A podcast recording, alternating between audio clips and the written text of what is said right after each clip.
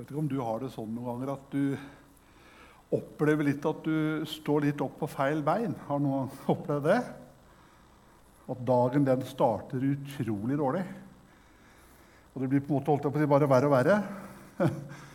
Jeg hadde litt sånn dag i går. Jeg skal ikke skylde på Elin, altså.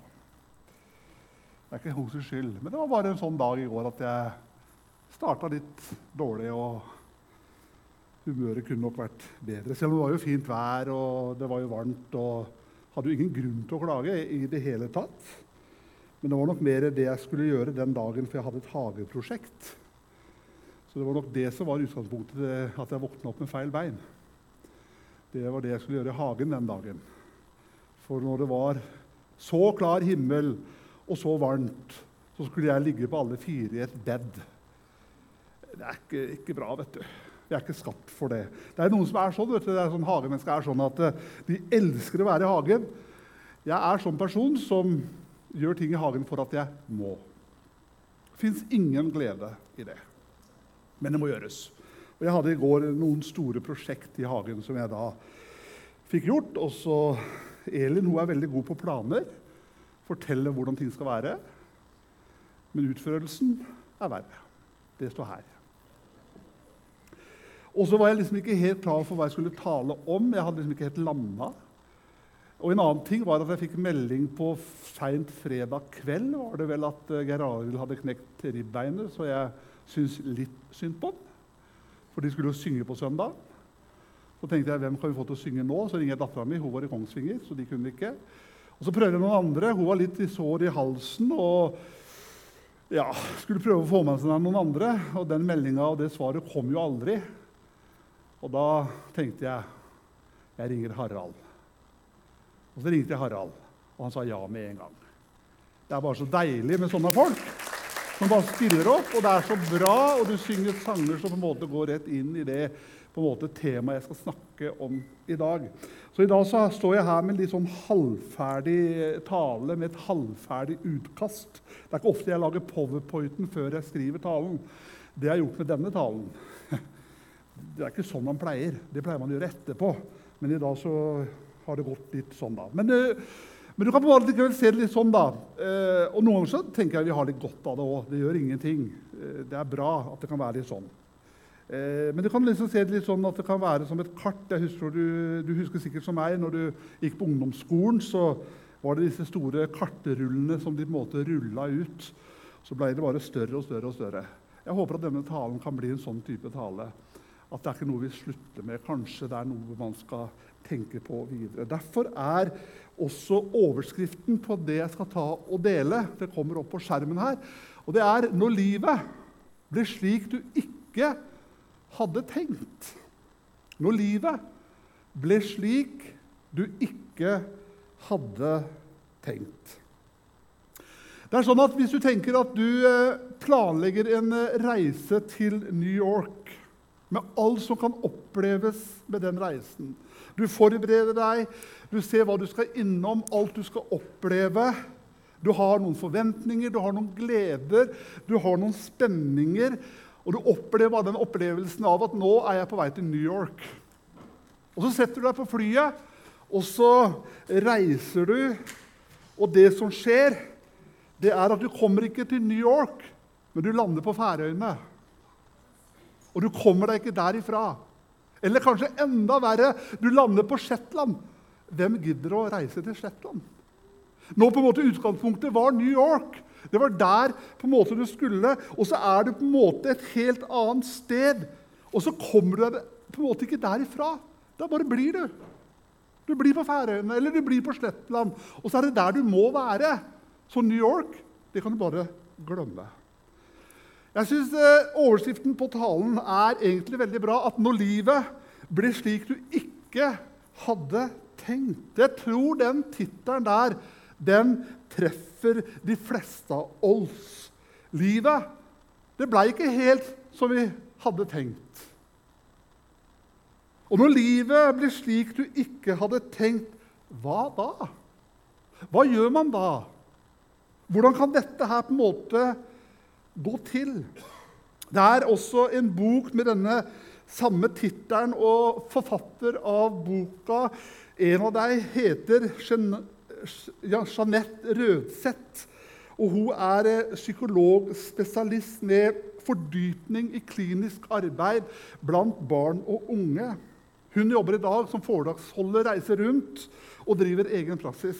Den andre eh, forfatteren heter eh, Emeline Krogh Werner og er psykologspesialist med fordypning i samfunn og allmennpsykologi og jobber i dag som kommunepsykolog og som foredragsholder. De tar fram i boka spørsmålet som på en måte melder seg. Hvordan kommer du deg helskinna gjennom livets U-svinger? For livet det blir ikke alltid slik vi hadde tenkt. For hva opplever vi? Vi opplever sykdom, som på en måte kan komme brått. Opplever et liv som pårørende, som også kommer brått. Ufrivillig barnløshet, samlivsbrudd, drømmer som på en måte ikke gikk i oppfyllelse man kan oppleve sorg over å miste seg sjøl og livet slik man kjenner det, man føler det, og man merker det. Fremtiden blei plutselig noe annet enn man hadde sett det for seg. Og vi kaller det livssorg. Den boka der har jeg lest, og den gir noen verktøy som man trenger for å kunne leve godt på tross av det som har skjedd. For det som har skjedd, det har skjedd. Det går ikke an å bortforklare. Det er realiteten. Sånn er det. Og så er det alle disse klappa på skuldra. Det går nok bra. Det er jo fint sagt, men noen ganger er det litt irriterende sagt. Det er ikke sikkert det alltid går bra. Det var veldig negativt. Men det er ikke det. Hvordan reiser du deg når livet tar unødvendige eller uventa vendinger? Ja, hvordan kan du leve med livssorgen og endringene tapet har gitt?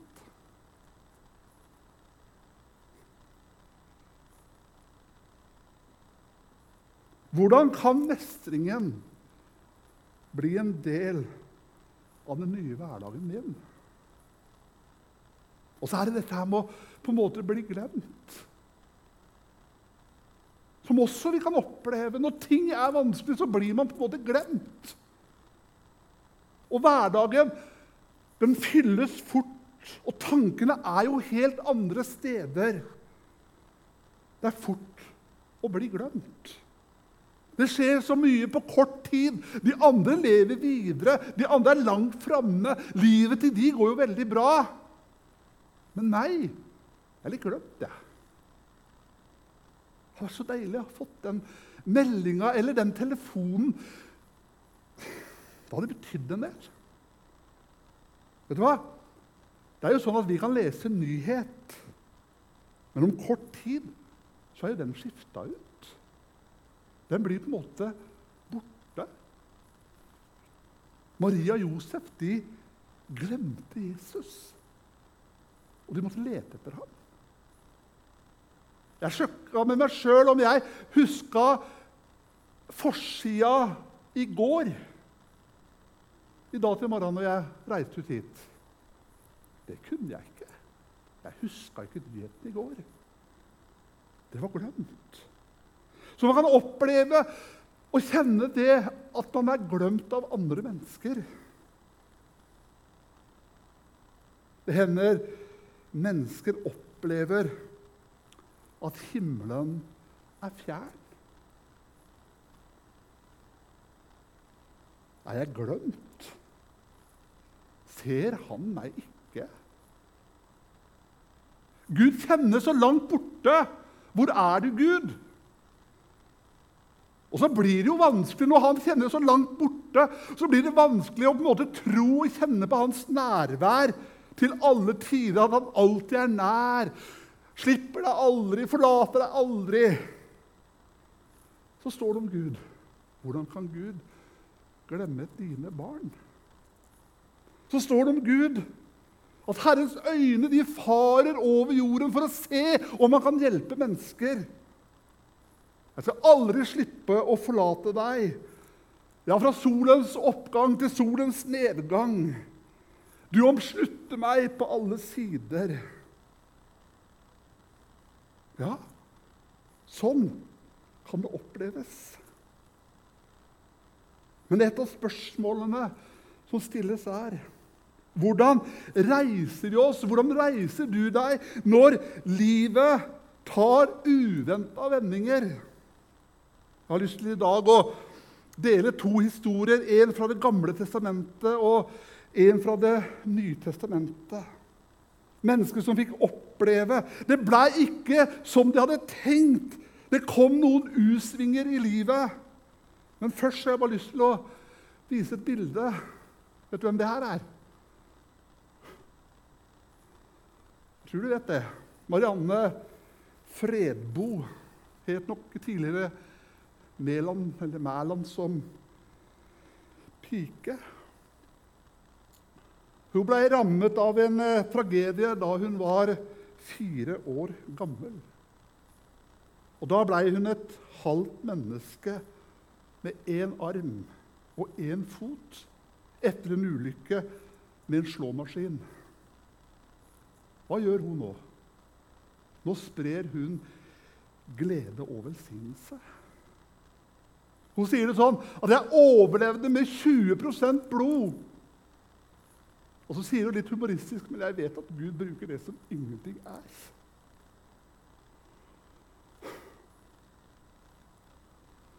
Nei, vi kan ikke forklare alt. Men gå på det som legger seg til rette. Og så sier hun jeg har fått jobb som gymlærer på KVS. Gymlærer. Har jeg aldri, har jeg aldri blitt spurt om. Hun jobber som gymlærer ved den kristne grunnskole eller videregående skolen i Lyngdal, KVS. Og så sier hun jeg treffer ungdom i en viktig fase av livet. Og så sier hun det halve holder i massevis. Og hun reiser rundt med dette foredraget i dag at det halve holder i massevis. Og slik så sprer hun glede over livet, over ting i livet som vi gjerne regner som selvsagt, som har alle lemmer. Første punkt i dag det henter vi fra 1. Samuels bok, kapittel 1, vers 19. og Der står det sånn Herren husket på henne. Herren husket på henne og kvinna. Hun heter Hanna. Hun opplevde livets usving. Hun bar på en stor sorg og nød i sitt hjerte. Kanskje det var en livssorg. Ingen visste om det. Det var en skjult sorg. Hun var bitter, og vi leser her at i sin hjertesorg så ba hun til Herren og gråt sårt. Hun var skjermet for omgivelsene.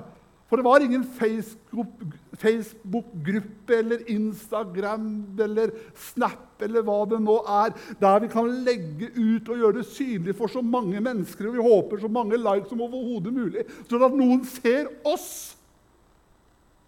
Men det var ikke det sånn for Hanna. Hun satt der og var skjult ved sin livssorg. Det kan jo hende det var få hun kunne dele sitt hjerte med. En sorg og nød uten sidestykke. Salmisten sier det sånn i Salme 30, vers 6.: Om kvelden så presser tårene på. Men om morgenen så fylles sinnet med jubelrop. Og vet du hva? Det er mye bedre at tårene presser på om kvelden og ikke om morgenen. For når jubelropet begynner på morgenen, så har du en lang dag foran deg. Kanskje salmisten skjønner og vet litt hva han snakker om med et erfart liv.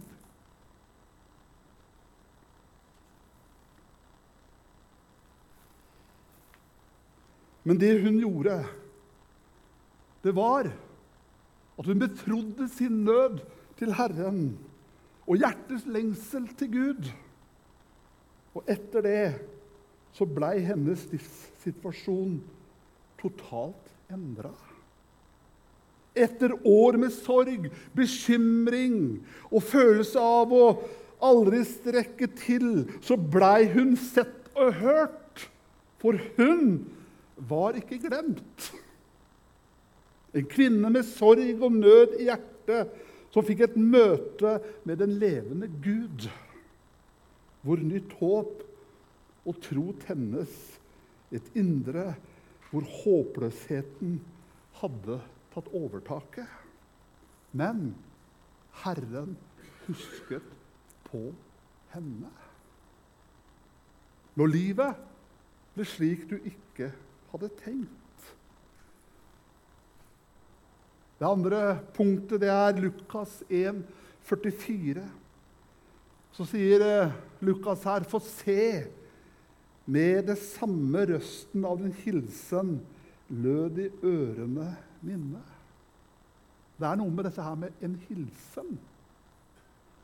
Det er jo alltid godt å få en hilsen. Når Elina treffer noen som ikke hun kjenner, og de sier ja, 'hils til Geir', det, det er jo fint. Så spør Elina hvem er det Nei, det vet hun ikke. Og det skjer ganske ofte.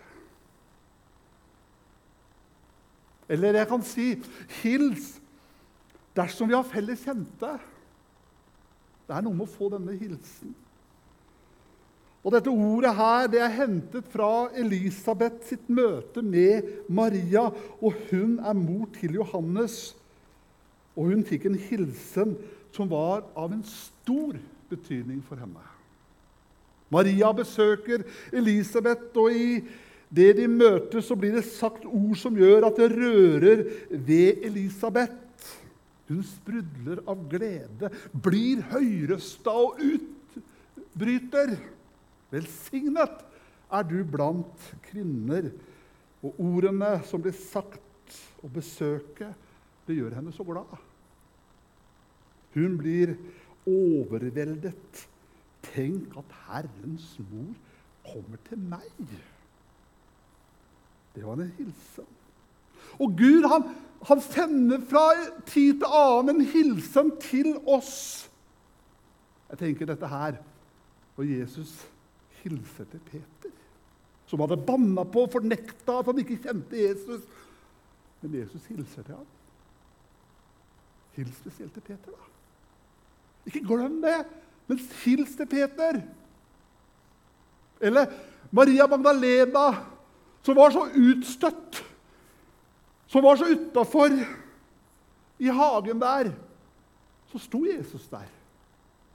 Den natten fikk de ingenting. Hadde ikke fått noe fisk. Kommer der slitne inn på stranda. Og hvem står der, da? Og der sto Jesus. Legg ut på dypet. Kaskarene på den andre sida. Men Jesus, han sto der. Vet du hva? Jesus, han eh, bruker eh, ofte mennesker. Det er ikke alltid det er planlagt. Men det kan få en sånn her eh, innskytelse til å gå noen eller ta kontakt. Det tredje punktet er din bønn er hørt. Din bønn er hørt.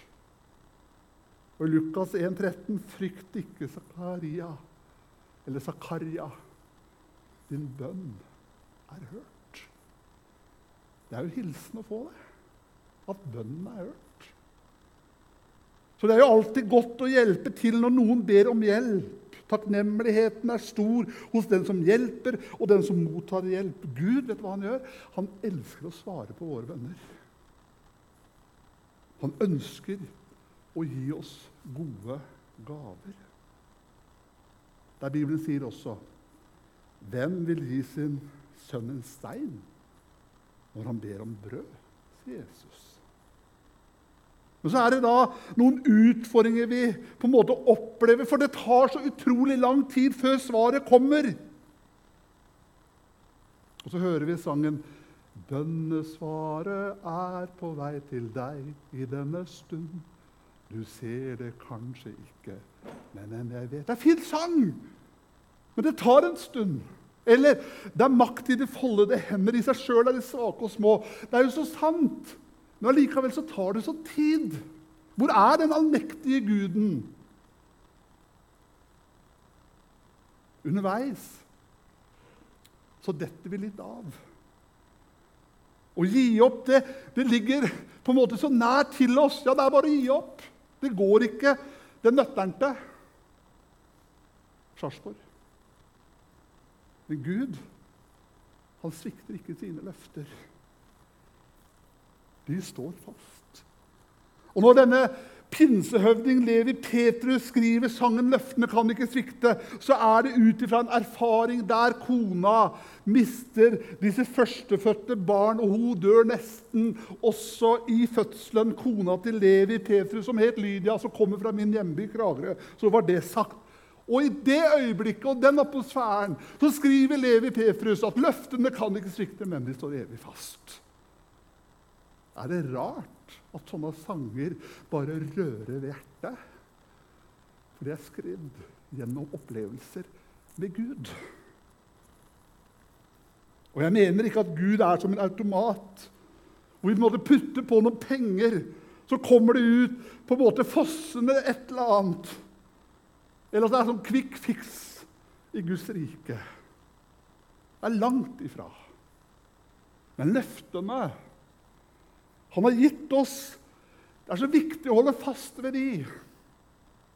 Elisabeth og Zakaria de bodde litt utenfor Jerusalem, i en liten by. De hadde venta i mange, mange år på svar. Men det kom. Det finnes et lys i mørket.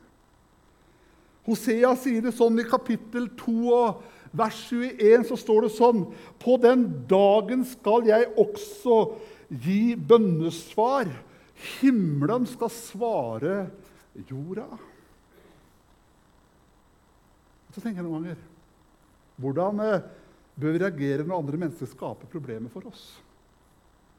Et godt eksempel på en som led fordi andre påførte ham problemer, er Josef i Det gamle testamentet. Du kan lese om han i Første Mosbok fra 37, kapittel 37 til kapittel 50. Der leser du historien om Josef. En annen ting jeg også tenker på, det er å bygge styrke for kriser. Bibelen gir oss ikke bare svar på årsaken til lidelse, men den gir også praktisk hjelp og trøst når vi opplever lidelse.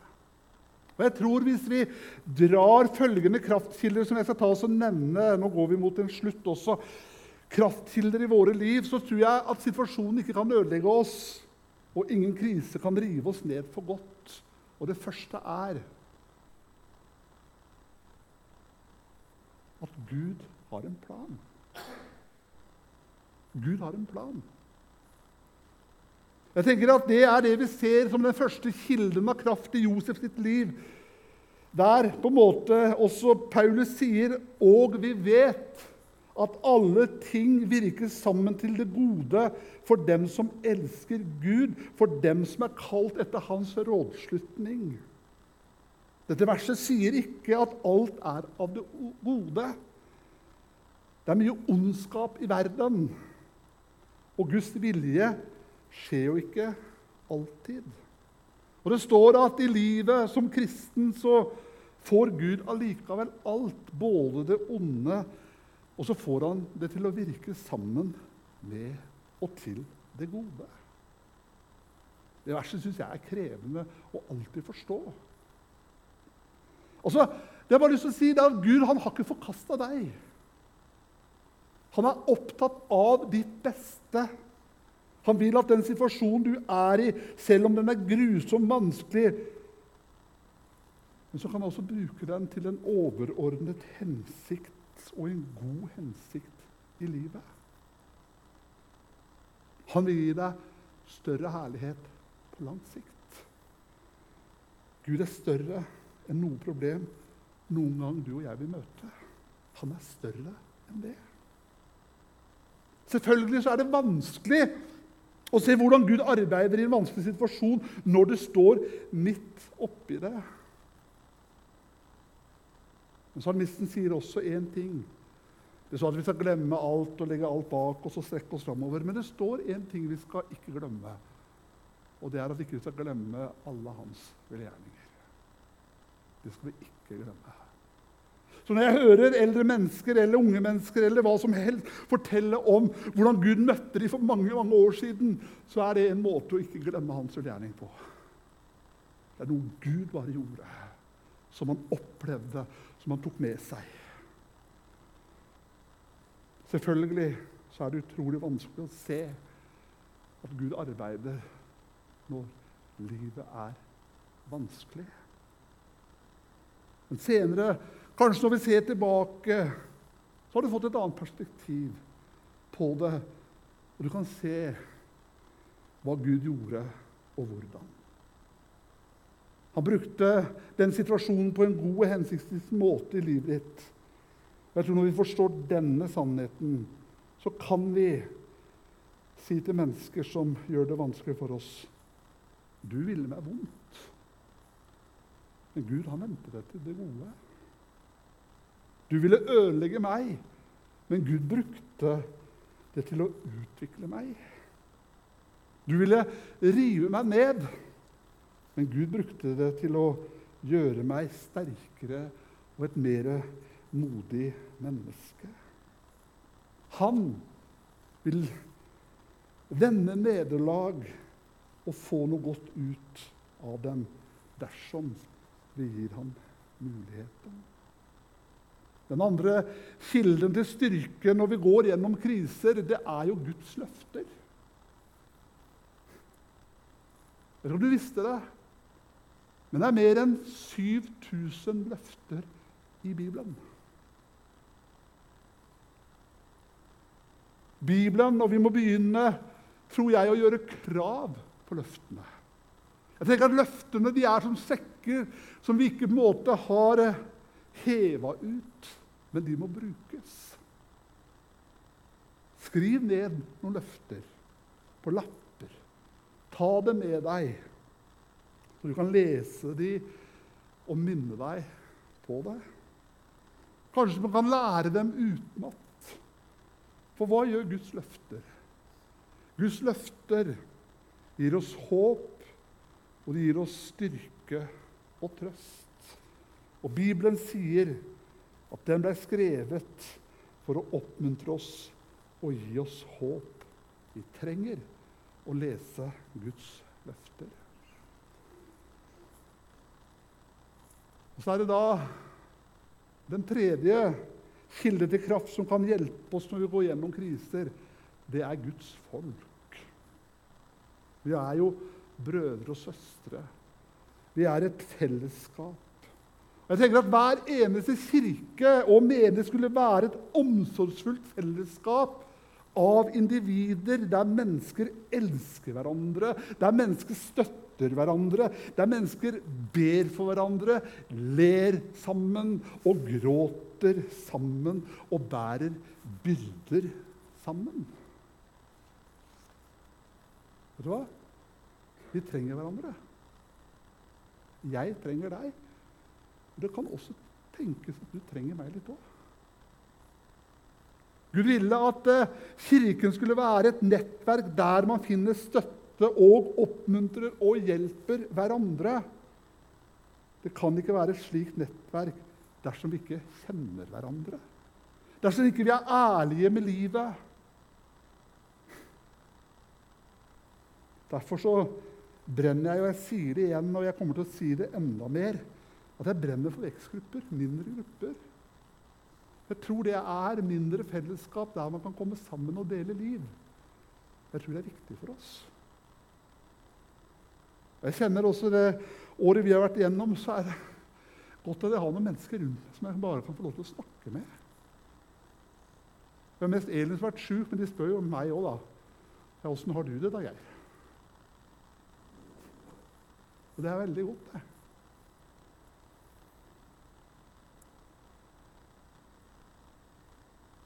Jeg tror Når vi gjør det, så oppdager vi at det finnes andre mennesker med samme type problemer som akkurat deg. Så tenker jeg jeg er sikkert aleine i verden å ha disse problemene. vet du hva? Det er du ikke. Det er noen rundt deg som har og opplever det samme. Kanskje de har gått igjennom det. Igjennom det kan komme med noen gode råd til deg.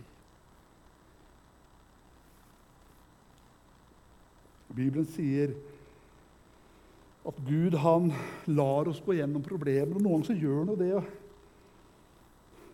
Hvorfor gjør han det, da? Jo, jeg tror han ønsker det så at vi kan trøste andre i lignende situasjoner. Det din trøst vi har fått av Gud. Så kan jeg trøste andre. Gud han bruker oss på så utrolig mange måter. Og han arbeider vanligvis med mennesker gjennom andre mennesker. Og det fjerde og det siste ja, Vi kan godt lese det verset, for det handler jo om det punktet. så ikke jeg glemmer det. Jeg hadde ikke det utkastet, men jeg har det jo på veggen. Lovet være Gud, vår Herre Jesu Kristi Far, den Far som er rik på barmhjertighet, vår Gud som gir all trøst. Han trøster oss i all vår nød, så vi skal kunne trøste dem som er i nød.